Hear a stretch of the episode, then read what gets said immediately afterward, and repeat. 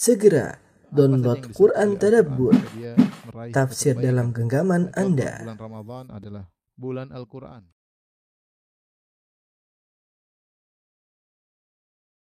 Bismillahirrahmanirrahim. Assalamualaikum warahmatullahi wabarakatuh. Alhamdulillahi ala ihsani wa syukru lahu ala taufiqihi wa amtinani wa asyhadu an la ilaha illallah wahdahu la syarika lahu ta'ziman li sya'nih asyhadu anna Muhammadan abduhu wa rasuluhu da'ila ridwani. Allahumma salli alaihi wa ala alihi wa. Eh, para dokter, para petugas medis dan juga para pemirsa yang dirahmati oleh Allah Subhanahu wa taala. Pada kesempatan ini kita akan bahas tentang bagaimana kiat-kiat menggapai Lailatul Qadar ya. Adapun bahas tentang apa itu Lailatul Qadar tentu sudah kita bahas dalam pembahasan khusus ya. Tapi kita lebih fokus kepada bagaimana cara untuk uh, menggapai Lailatul Qadar. Apa sih amalan-amalan yang uh, bisa kita lakukan uh, di 10 hari terakhir di bulan Ramadan agar kita bisa meraih uh, Lailatul Qadar ya. Apa yang dimaksud dengan menggapai Lailatul Qadar ya? Mencari Lailatul Qadar. Rasulullah SAW dan para sahabat mereka mencari Lailatul Qadar ya. Taharrau Lailatul Qadar kata Nabi carilah Lailatul Qadar. Ya, sehingga Rasulullah SAW pernah iktikaf sampai sebulan penuh. Gara-gara tidak tahu Lailatul Qadar ternyata di 10 hari terakhir Rasulullah SAW iktikaf di uh, 10 hari pertama, kemudian Jibril datang mengatakan alladzi tatlubuhu amamak yang kau cari masih di depan. Akhirnya Rasulullah SAW tambah lagi itikaf 10 hari. Kemudian datang lagi Jibril setelah lewat 20 hari. Alladzi tatlubu amamak yang kau cari ada di depanmu. Rasulullah tambah lagi sampai akhirnya sebulan penuh ya. Kemudian Rasulullah SAW kabarkan kepada para sahabat, taharrau lailatul qadar fi ashril awakhir uh, min Ramadan. Carilah lailatul qadar di 10 hari terakhir bulan Ramadan. Oleh karenanya Rasulullah SAW sepanjang hidupnya tidak pernah meninggalkan iktikaf. Bahkan Rasulullah SAW ketika ada halangan Rasulullah SAW mengkodoknya. Bahkan di akhir hayat Nabi SAW, Rasulullah SAW iktikaf 20 hari di Ramadan terakhir yang beliau uh, dapatkan. Tapi intinya di antara uh, tujuan Nabi iktikaf, tujuan utama adalah mencari Lailatul Qadar. Demikian juga para sahabat, uh, mereka menjadi perbincangan bagi mereka bagaimana cara mencari Lailatul Qadar. Apa sih maksudnya mencari Lailatul Qadar? Maksudnya Anda menemui Lailatul Qadar dalam kondisi ketaatan, dalam kondisi ibadah yang diridhoi oleh Allah Subhanahu wa taala. Ya, itu maksudnya karena secara logis bahwasanya semua orang akan menemukan malam tersebut, ya. Karena itu suatu malam yang akan dialami oleh seluruh penghuni bumi malam tersebut, ya. Tetapi yang jadi pertanyaan bagaimana Anda mendapati malam tersebut uh, dalam kondisi taat kepada Allah Subhanahu wa dalam kondisi yang Anda diridhoi oleh Allah Subhanahu wa taala karena ketaatan di malam tersebut jika diridhoi oleh Allah Subhanahu wa taala lebih baik daripada uh, seribu bulan, lebih baik daripada seribu bulan. Ini maksud pembahasan kita tentang uh, bagaimana mencari Lailatul Qadar dengan cara uh, yang benar. Baik. Sebelum saya akan sebutkan ibadah-ibadah apa yang mungkin bisa kita lakukan ya. Saya akan sebutkan dulu hal yang motivasi kita uh, untuk bisa semangat di, di, malam 10 hari terakhir bulan Ramadan ya. Baik. Uh, keutamaan ya. Uh, 10 hari terakhir. Ya. Uh, keutamanya banyak. Nabi SAW ibadahnya lebih semangat daripada biasanya. Ibadah Nabi SAW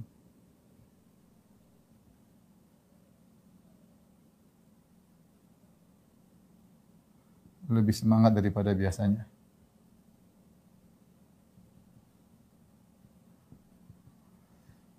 Aisyah radhiyallahu taala anha berkata, Aisyah berkata, ya, radhiyallahu anha berkata, "Idza dakhala al-ashr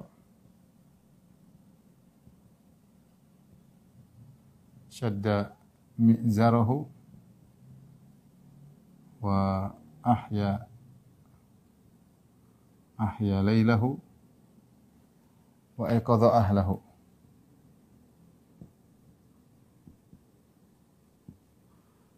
Kata Aisyah radhiyallahu taala anha, kalau sudah masuk 10 malam terakhir, jika masuk 10 hari terakhir syadda mi'zarah. Nabi mengencangkan Nabi sallallahu alaihi wasallam mengencangkan sarungnya.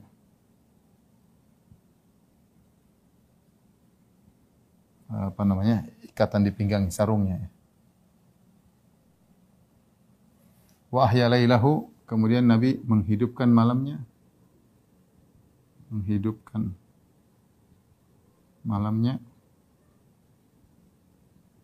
Kemudian wa aiqadha ahlahu, membangunkan istri-istrinya. Membangunkan istri-istri beliau. Uh, kemudian juga uh, dalam hadis yang lain ya uh, karena Nabi sallallahu alaihi wasallam kata Aisyah radhiyallahu taala anha yajtahidu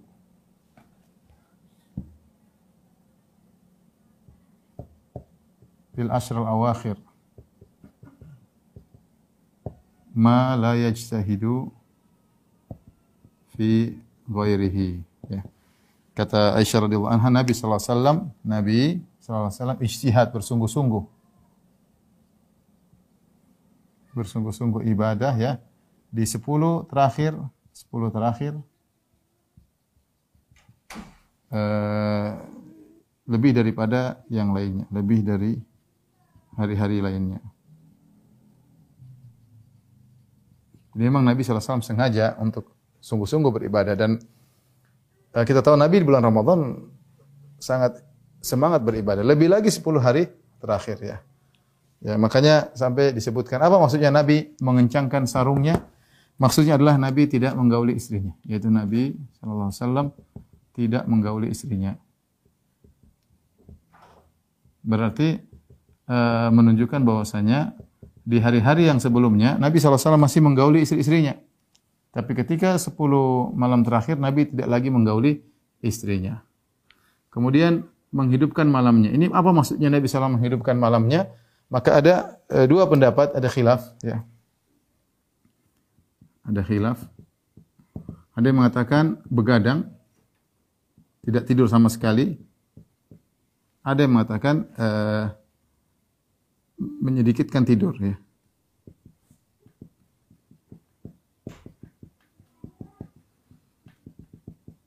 menyedikitkan diri. Dua pendapat di kalangan para ulama. Sebenarnya berpendapat bahwasanya Rasulullah SAW menghidupkan malamnya begadang. Karena ahya lailahu, menghidupkan malamnya. Dan ahya menghidupkan berarti eh, apa namanya Rasulullah SAW tidak tidur. ya. ya.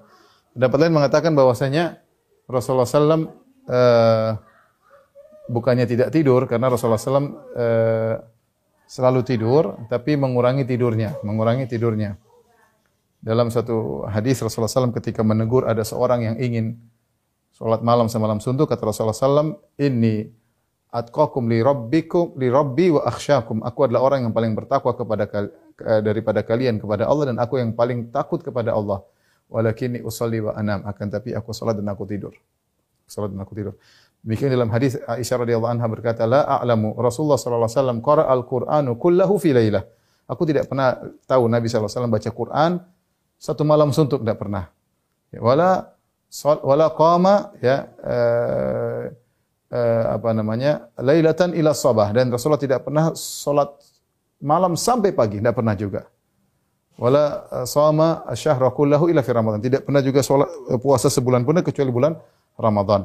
Uh, pernyataan Aisyah Rasulullah SAW tidak pernah salat malam sampai subuh, semalam pun tidak pernah mengisyaratkan bahwasanya Rasulullah SAW menyelinginya uh, menyelingkan dengan dengan tidur. Ya.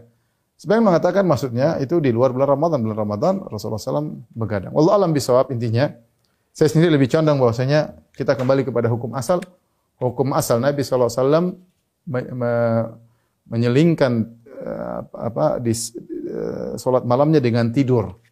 Dengan tidur. Jadi uh, saya lebih condong pada pendapat bahwasanya menghidupkan malamnya itu Rasulullah SAW menyedikitkan tidur, artinya tidurnya sangat dikurangi. Dan di antara dalil bahwasanya tidak mengapa tidur di antaranya Rasulullah aiqadha ahlahu. Rasulullah SAW membangunkan istrinya. Berarti istri beliau tidur juga. Termasuk di malam Lailatul Qadar istri-istri beliau juga tidur tetapi Rasulullah SAW membangunkan mereka lebih cepat ya agar mereka kurang uh, tidurnya. Rasulullah SAW membangun istrinya sepanjang tahun. Dalam hadis bagaimana Rasulullah SAW sholat malam kalau sudah waktunya witir Rasulullah SAW membangunkan Aisyah. Tetapi uh, apa namanya uh, Rasulullah SAW uh, ketika malam malam-malam 10 malam terakhir Rasulullah SAW lebih cepat membangunkan istri-istrinya untuk uh, untuk ibadah. Nah, kalau ada orang begadang, oke-oke saja ya. Ada dalilnya, artinya dalilnya muhtamil, artinya ada kemungkinan bahwasanya Rasulullah SAW begadang ada kemungkinan. Sebagaimana pernah Rasulullah SAW lakukan ketika perang Badar, Rasulullah SAW tidak tidur, Rasulullah SAW semalam suntuk berdoa kepada Allah ketika di malam perang Badar dan itu pernah dilakukan oleh Nabi Shallallahu Alaihi Wasallam uh, dalam hadis yang datang dalam masalah itu. Tapi saya katakan tadi kalau saya lebih condong bahwasanya Rasulullah SAW tidur tapi menyedikitkan tidur dengan istirahat sedikit Eh, seorang lebih uh, giat untuk beribadah. Allah alam bisawab. Tapi intinya ibadah Nabi lebih semangat dari pada biasanya. Makanya dikatakan karena Nabi sallallahu alaihi wasallam yajtahidu fil ashr awakhir ma lam yajtahid fi ghairi. Rasulullah SAW bersemangat beribadah bersungguh-sungguh di 10 hari terakhir tidak seperti di hari-hari uh, lainnya. Kemudian di antara keutamaan 10 hari terakhir uh, jelas bahwasanya Lailatul Qadri khairun min alfi syahr. Allah berfirman, ya. Lailatul Qadar lebih baik pada seribu bulan.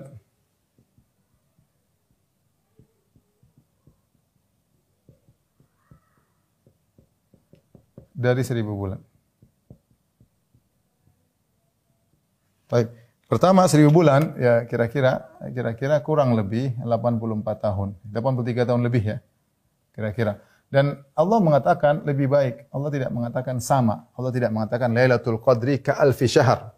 Allah tidak mengatakan Lailatul Qadar seperti bulan seribu bulan, tapi kalimatnya lebih baik daripada seribu bulan ya, seribu bulan ya. Maka ini adalah benar-benar optimalisasi bagi seorang yang uh, apa namanya uh, mengerti akan pentingnya waktu dan pentingnya umur. Disebutkan bahwasanya di antara karunia yang Allah berikan kepada umat Muhammad sallallahu alaihi wasallam karena umur umat Muhammad sallallahu alaihi wasallam antara sitin ila sab'in. Kata Nabi sallallahu alaihi wasallam, "A'maru ummati baini sitin ila sab'in."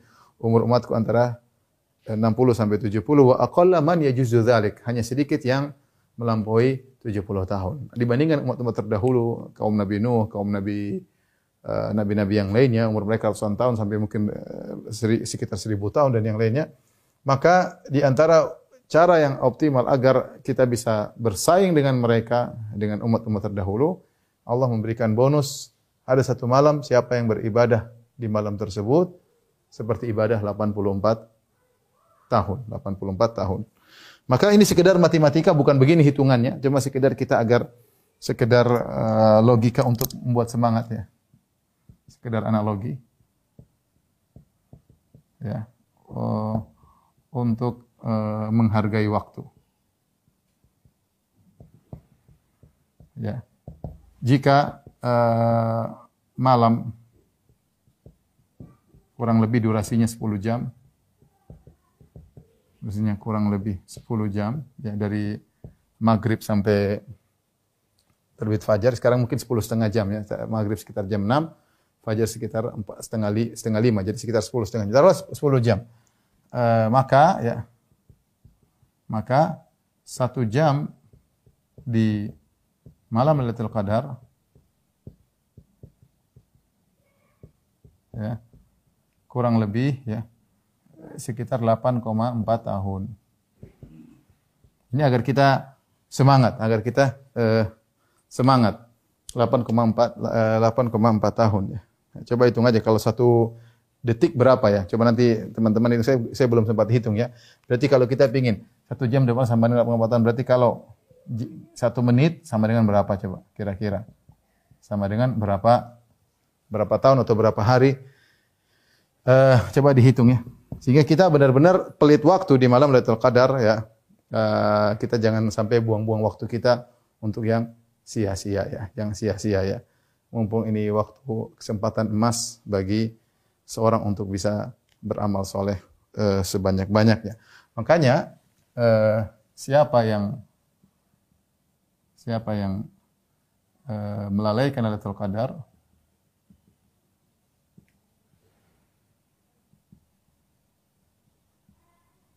dia orang yang orang yang dia maka dia benar-benar merugi. Dia benar-benar merugi. Dalam hadis riwayat Ibnu Majah, Rasulullah SAW bersabda, yang hadis Hasan, eh, dalam riwayat Ibnu Majah kata Rasulullah SAW, Inna hadha, Inna hadha asyahar qad hadarakum. Wa fihi lailatun khairan min alfi syahr. Uh, man hurimaha faqad hurima al khaira kullahu uh, wala yuhramu khairaha illa dalam riwayat mahrum dalam riwayat kullu mahrum ya. Hadis riwayat eh, Ibnu Majah. Kata Nabi SAW, sungguhnya bulan ini telah hadir menghadiri kalian. Sungguhnya bulan ini telah menghadiri kalian.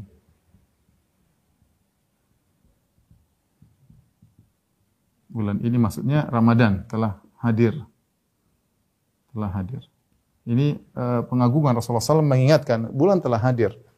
Wa fihi lailatun min khairin alfi syahr. Di padanya ada Lailatul Qadar, lebih baik daripada seribu bulan dalam bulan tersebut. Kemudian kata Nabi, man hurimaha siapa yang terhalangi darinya faqad hurima al khaira kullahu sungguh ia telah terhalangi dari seluruh kebaikan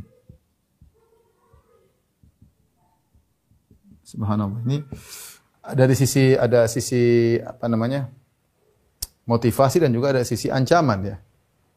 Ada motivasi juga ancaman ya. Wala yuhramu khairaha illa kullu mahrum dan tidak terhalangi uh, dari kebaikannya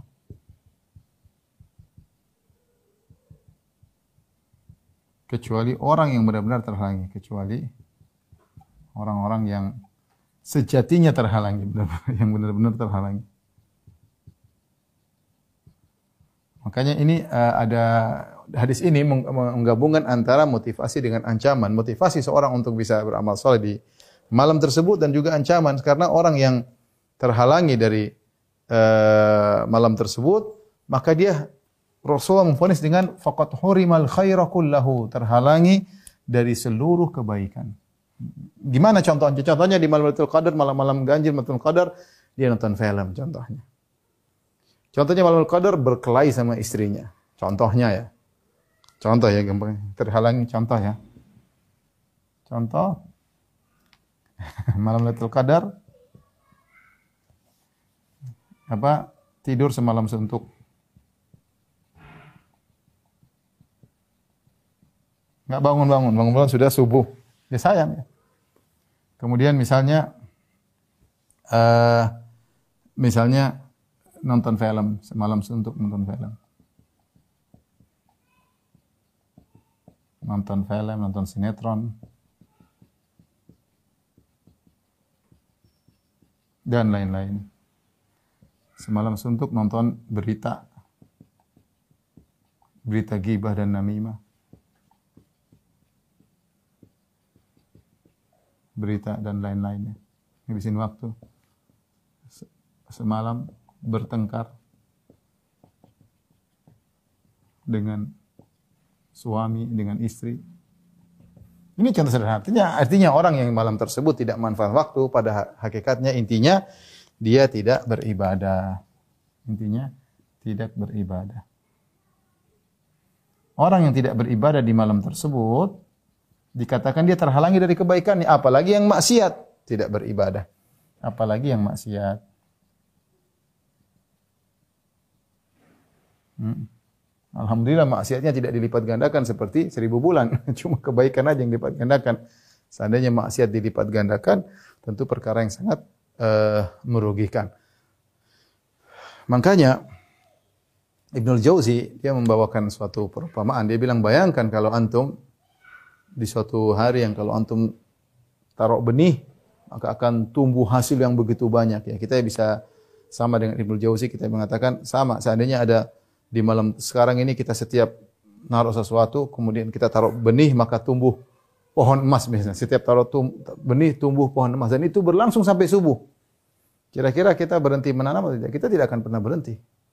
Setiap taruh benih pohon emas. Setiap taruh benih pohon emas. Setiap taruh benih pohon emas. Dan apa yang saya sampaikan setiap taruh benih pohon emas, setiap detik taruh benih pohon emas muncul, Lailatul Qadar lebih hebat karena pahala yang disiapkan di surga lebih hebat daripada pohon-pohon emas yang ada di di dunia. Tapi ini kasih gambaran bagaimana seorang kemudian malas di malam tersebut sementara uh, pahalanya begitu luar uh, luar biasa. Ini seperti uh, mukaddimah. Di sini kita akan sebutkan beberapa amalan-amalan yang mungkin kita lakukan di malam Lailatul Qadar. Tolong dihapus.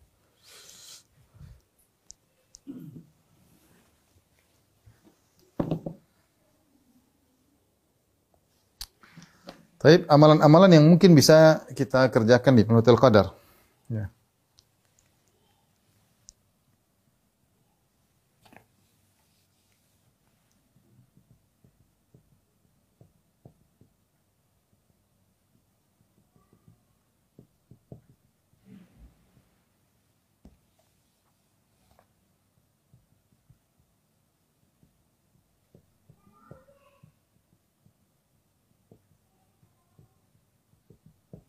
Uh, banyak amalan yang mungkin kita lakukan di Lailatul Qadar. Uh, di antaranya yang spesial adalah tentunya iktikaf. Yang pertama adalah iktikaf. Tapi tidak semua orang bisa. Ini sudah kita bahas pengajian khusus tentang iktikaf. Uh, kalau kalau bisa 10 yang terbaik 10 hari terakhir 10 full. Kalau bisa 10 full 10 hari atau 9 hari terakhir full. Kalau nggak bisa beberapa hari, kalau nggak bisa lagi ya bisa semalam semalam atau satu siang. Kalau nggak bisa lagi beberapa jam tidak jadi masalah. Yang penting niatkan itikaf. Yang penting niatkan itikaf ketika masuk masjid, masuk itikaf. Kenapa? Karena uh, itikaf ini kondisi terbaik bertemu Lailatul Qadar. Inilah inilah kondisi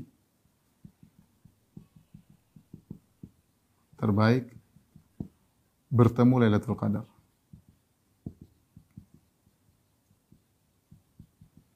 Karena itikaf adalah uh, al-muqtawil fil masjid yaitu melazimi masjid. Kondisi kita berada di masjid sudah pahala mengalir. Ya. Uh, kondisi kita di masjid kondisi kita melazimi masjid itulah itikaf ya. sudah merupakan ibadah tersendiri ibadah tersendiri itu ibadah itikaf Bahkan kata para ulama meskipun dia tidur, meskipun dalam kondisi tidur.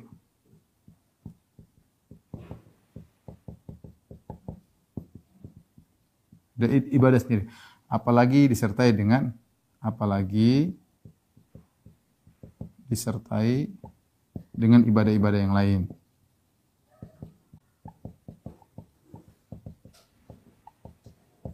Uh, uh, Logika itikaf ini sama seperti ihram. Kalau pakai ihram, pakai ihram, waktu berjalan argo pahala jalan. Kenapa dia sedang berihram? Sama seorang sedang itikaf, maka argo pahala dia berjalan.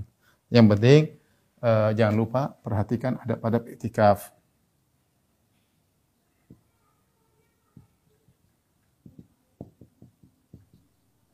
Adab itikaf intinya adalah uh, fokus kepada Allah tinggalkan dunia. Intinya Eh, putus hubungan dengan makhluk dengan makhluk dan fokus kepada Allah. Ini intinya. Jadi sebisa mungkin seorang itikaf. Saya katakan kalau bisa 10 hari full itu yang terbaik. Kalau tidak bisa beberapa hari, terutama malam-malam ganjil. Kalau tidak bisa satu hari, dua hari nggak jadi masalah. Kalau tidak bisa lagi satu siang atau satu malam, kalau tidak bisa lagi, maka beberapa jam tidak jadi masalah. Minimal yang penting dia niatkan untuk i'tikaf. Dan ini yang dilakukan oleh Nabi SAW ketika mencari malam Lailatul Qadar. Inilah kondisi uh, prima yang terbaik bagi seorang untuk mendapatkan Lailatul Qadar dalam kondisi i'tikaf disertai dengan ibadah-ibadah yang yang lain. Kemudian antara ibadah yang agung juga adalah membaca Al-Qur'an. Qiraatul Qur'an. Uh, Nabi selalu didatangi oleh Jibril alaihissalam di bulan Ramadan untuk uh, mengajari Al-Qur'an ya. Makanya dikatakan hina yalqahu Jibril fayudarisuhu Al-Qur'an. Jibril datang kemudian mengajari Nabi Al-Qur'an. Jadi uh, bulan Ramadan bulan Al-Qur'an.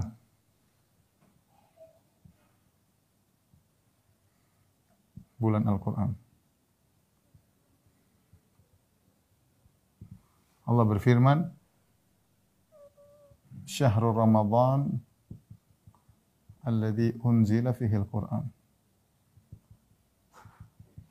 Bulan Ramadan adalah bulan turunkan Al-Qur'an. Kemudian praktek Nabi, praktek Jibril yang mengkhususkan Ramadan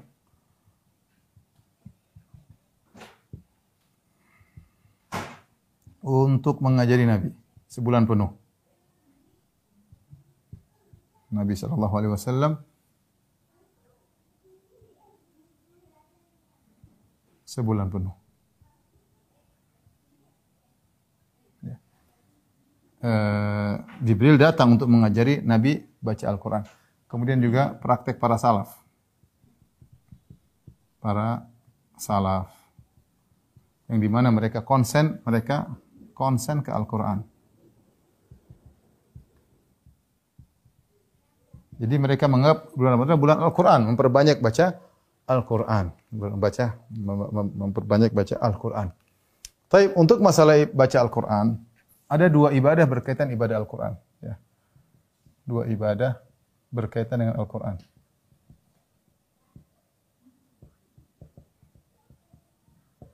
Yang pertama, ibadah kiroah, membaca tilawah ya atau tilawah dalam kurang membaca. Yang kedua ibadah tadabbur. Tadabbur Al-Qur'an. Ini dua-duanya ibadah tersendiri. Dua-duanya adalah ibadah yang dimaksudkan, yang dimaksud oleh syariat. Makanya Rasulullah SAW bersabda, "Man qara'a harfan min kitabillah." Kata Nabi SAW, "Man qara'a harfan min kitabillah falahu hasanah. Wal hasanatu bi asyri amsalihha. Kata Nabi, siapa yang baca satu huruf dari Al-Quran, bagi dia satu kebaikan. Satu kebaikan dilipat gandakan menjadi sepuluh lipat. Jadi kita baca Al-Quran satu huruf, kita mendapatkan pahala sepuluh kebajikan.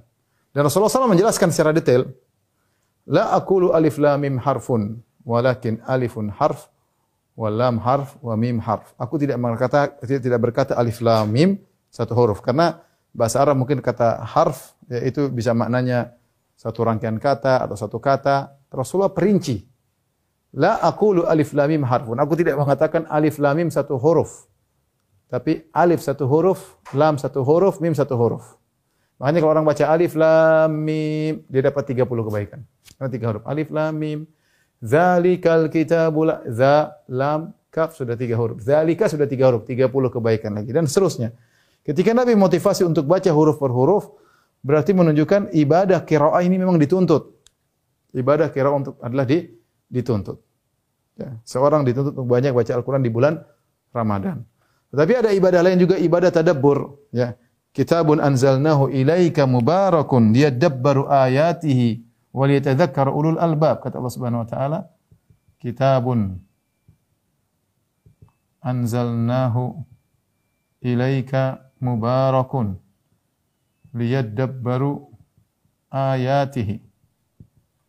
وليتذكر أولو الألباب. الله بالفرمان أفلا يتدبرون القرآن? Lau kana walau kana min illahi la wajadu fihi la wajadu fihi ikhtilafan katsira. Afala yatadabbarun al-Qur'an? Am ala qulub am ala qulubin aqfaluha. Baik, pertama Allah berfirman kitab Al-Qur'an yang kami turunkan kepada kepada engkau mubarakun penuh dengan keberkahan. Liyadabbaru ayatihi. Agar ditadaburi. Agar ditadaburi. Ayat yang lain afala yatadabbur al-Qur'an? Kenapa mereka tidak mentadaburi Al-Qur'an? Tadabbur ibadah yang benar-benar uh, apa namanya menambah iman tadabbur ini apa namanya uh, menambah iman ya menambah ilmu ya kemudian uh, sarana beramal.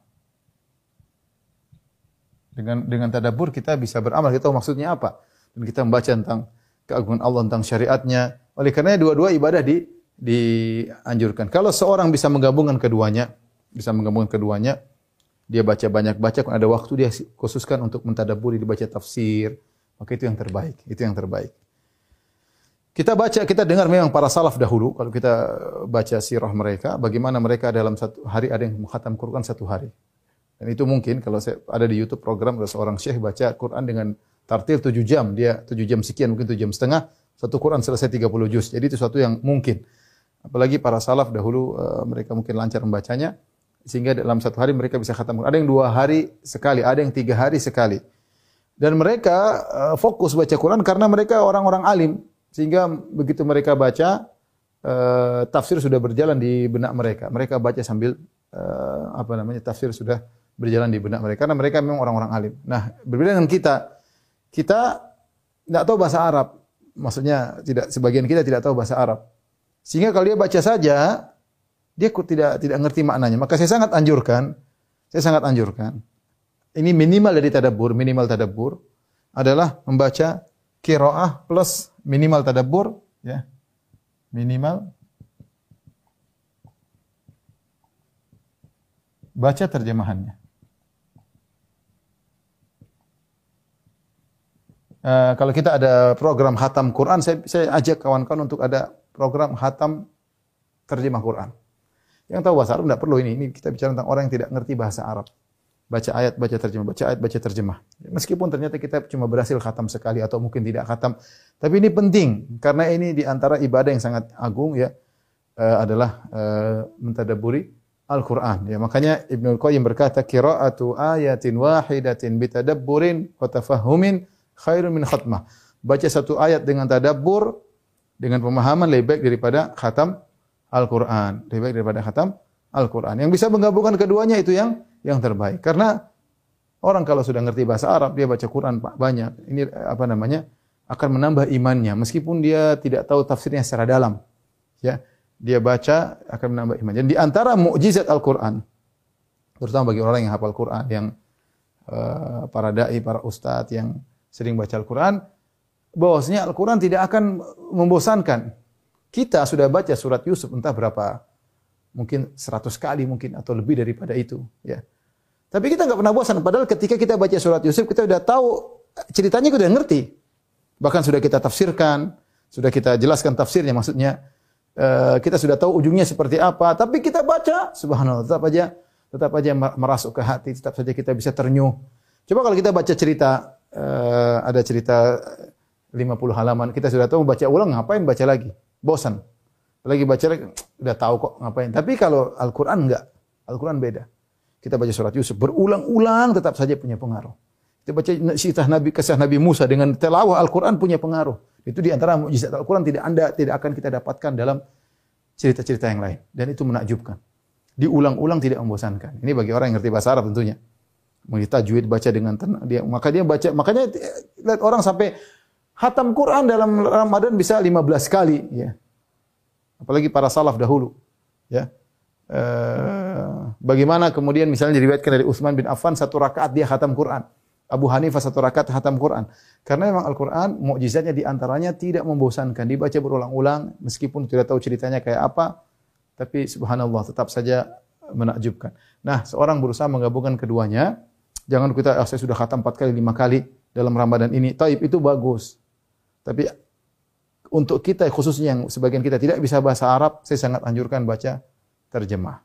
Saya sangat anjurkan baca terjemah. Yang sudah tahu ngerti bahasa Arab mungkin tidak apa-apa dia baca saja, nggak ada masalah. Sesekali dia buka buku tafsir yang tahu bahasa Arab. Yang tidak tahu bahasa Arab hendaknya dia baca terjemah. Ini antara ibadah yang agung uh, yang kita fokus baca Al-Qur'an ya. Jangan sampai waktu kita tercuri ngobrol berjam-jam kemudian lupa bahwasanya uh, kita dituntut baca Al-Qur'an.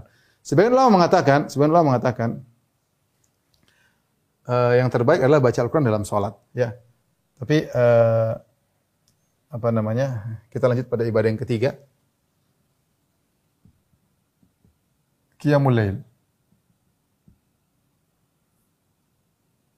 Salat malam. Kata Nabi sallallahu alaihi wasallam, "Man qama Lailatul Qadri imanan wa ihtisaban ghufira lahu ma taqaddama min dzambi." Siapa yang salat malam Lailatul Qadar dengan penuh keiman, ihtisab. Yang saya sudah sampaikan, iman, ihtisab ini benar-benar berharap pahala dengan semangat iman, yakin bahwa ini uh, dari Allah Subhanahu wa Tuhan. Ghufira lahu ma taqaddama diampuni dosa yang telah lalu subhanallah, diampuni dosa-dosa yang telah lalu.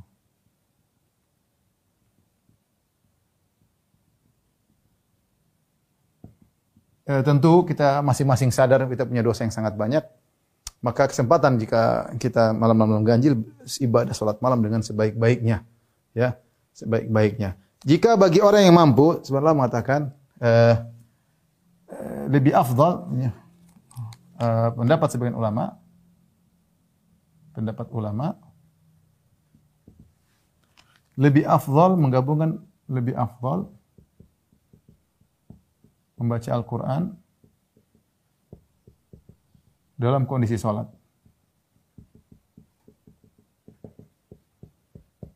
Yang terbaik. Kalau bisa menggabungkan keduanya, terutama yang hafid-hafid dia sholat baca Quran tidak baca duduk begini tapi dia sambil sholat itu lebih baik karena baca Quran dalam sholat lebih afdal daripada baca Quran di luar sholat ya. sebagian orang kalau tidak mampu ya sudah buka mushaf seperti dia taruh atau kemudian dia sambil sholat sambil baca mushaf tersebut ya. Atau pegang mushaf sambil sholat. Ini banyak dilakukan di Masjid Nabawi kalau bulan Ramadan. Banyak orang-orang sholat sambil pegang mushaf yang tidak punya hafalan atau hafalannya kurang. Dia ingin menghatamkan Quran dalam sholat. Boleh-boleh saja dilakukan di malam uh, di malam hari ya. E, makanya kalau di Masjid Nabawi, Masjid Haram, mereka sholat malam dua ronde.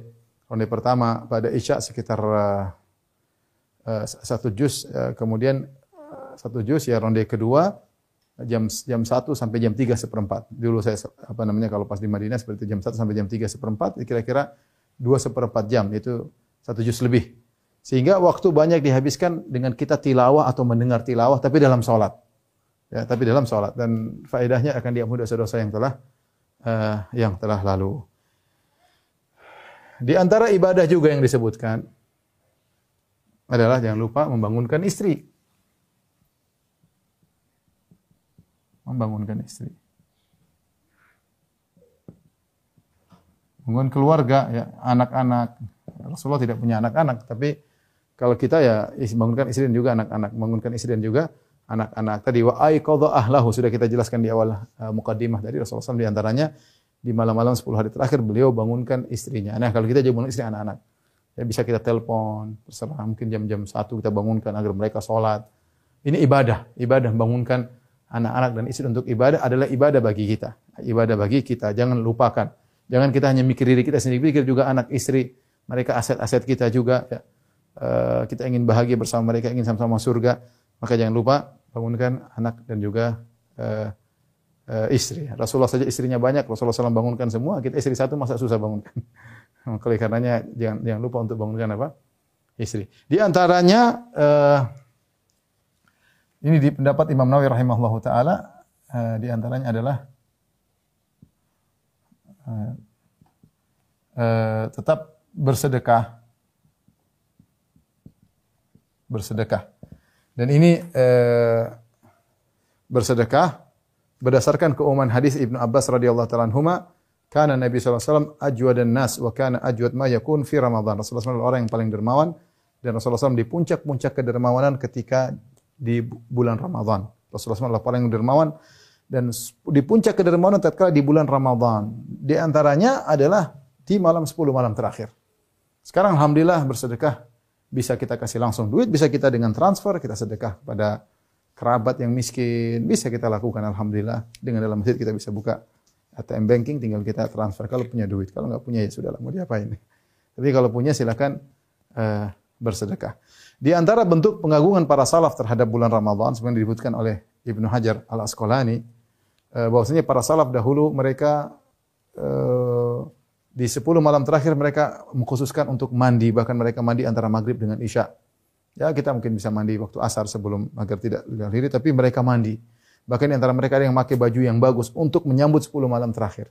Sehingga mereka ibadah dengan penuh semangat, pakai minyak wangi, mereka beribadah kepada Allah Subhanahu wa taala, bukan kumul-kumul enggak.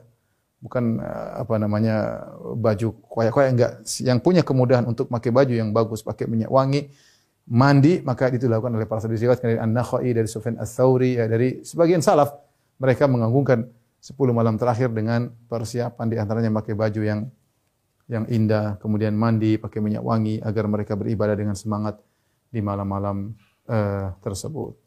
Akhirnya uh, para dokter, para tenaga medis dan juga pemirsa yang dirahmati Allah Subhanahu wa taala, ini sekedar wacana mungkin yang bisa kita lakukan. Seorang melakukan apa yang dia mampu, fattaqullaha masata'tum, bertakwalah semampunya. Sebagian kita ada yang bekerja di siang hari. Kalau malam hari semampunya dia beribadah, yang penting dia menunjukkan kepada Allah, inilah yang saya mampu ya Allah. Sedikit yang bisa saya lakukan, semoga bernilai besar di sisi Allah Subhanahu wa taala. Demikian ya semoga kita diberi kemudahan oleh Allah untuk bisa beribadah maksimal di 10 hari terakhir. Demikian uh, wabillahi taufiq wal hidayah. Assalamualaikum warahmatullahi wabarakatuh.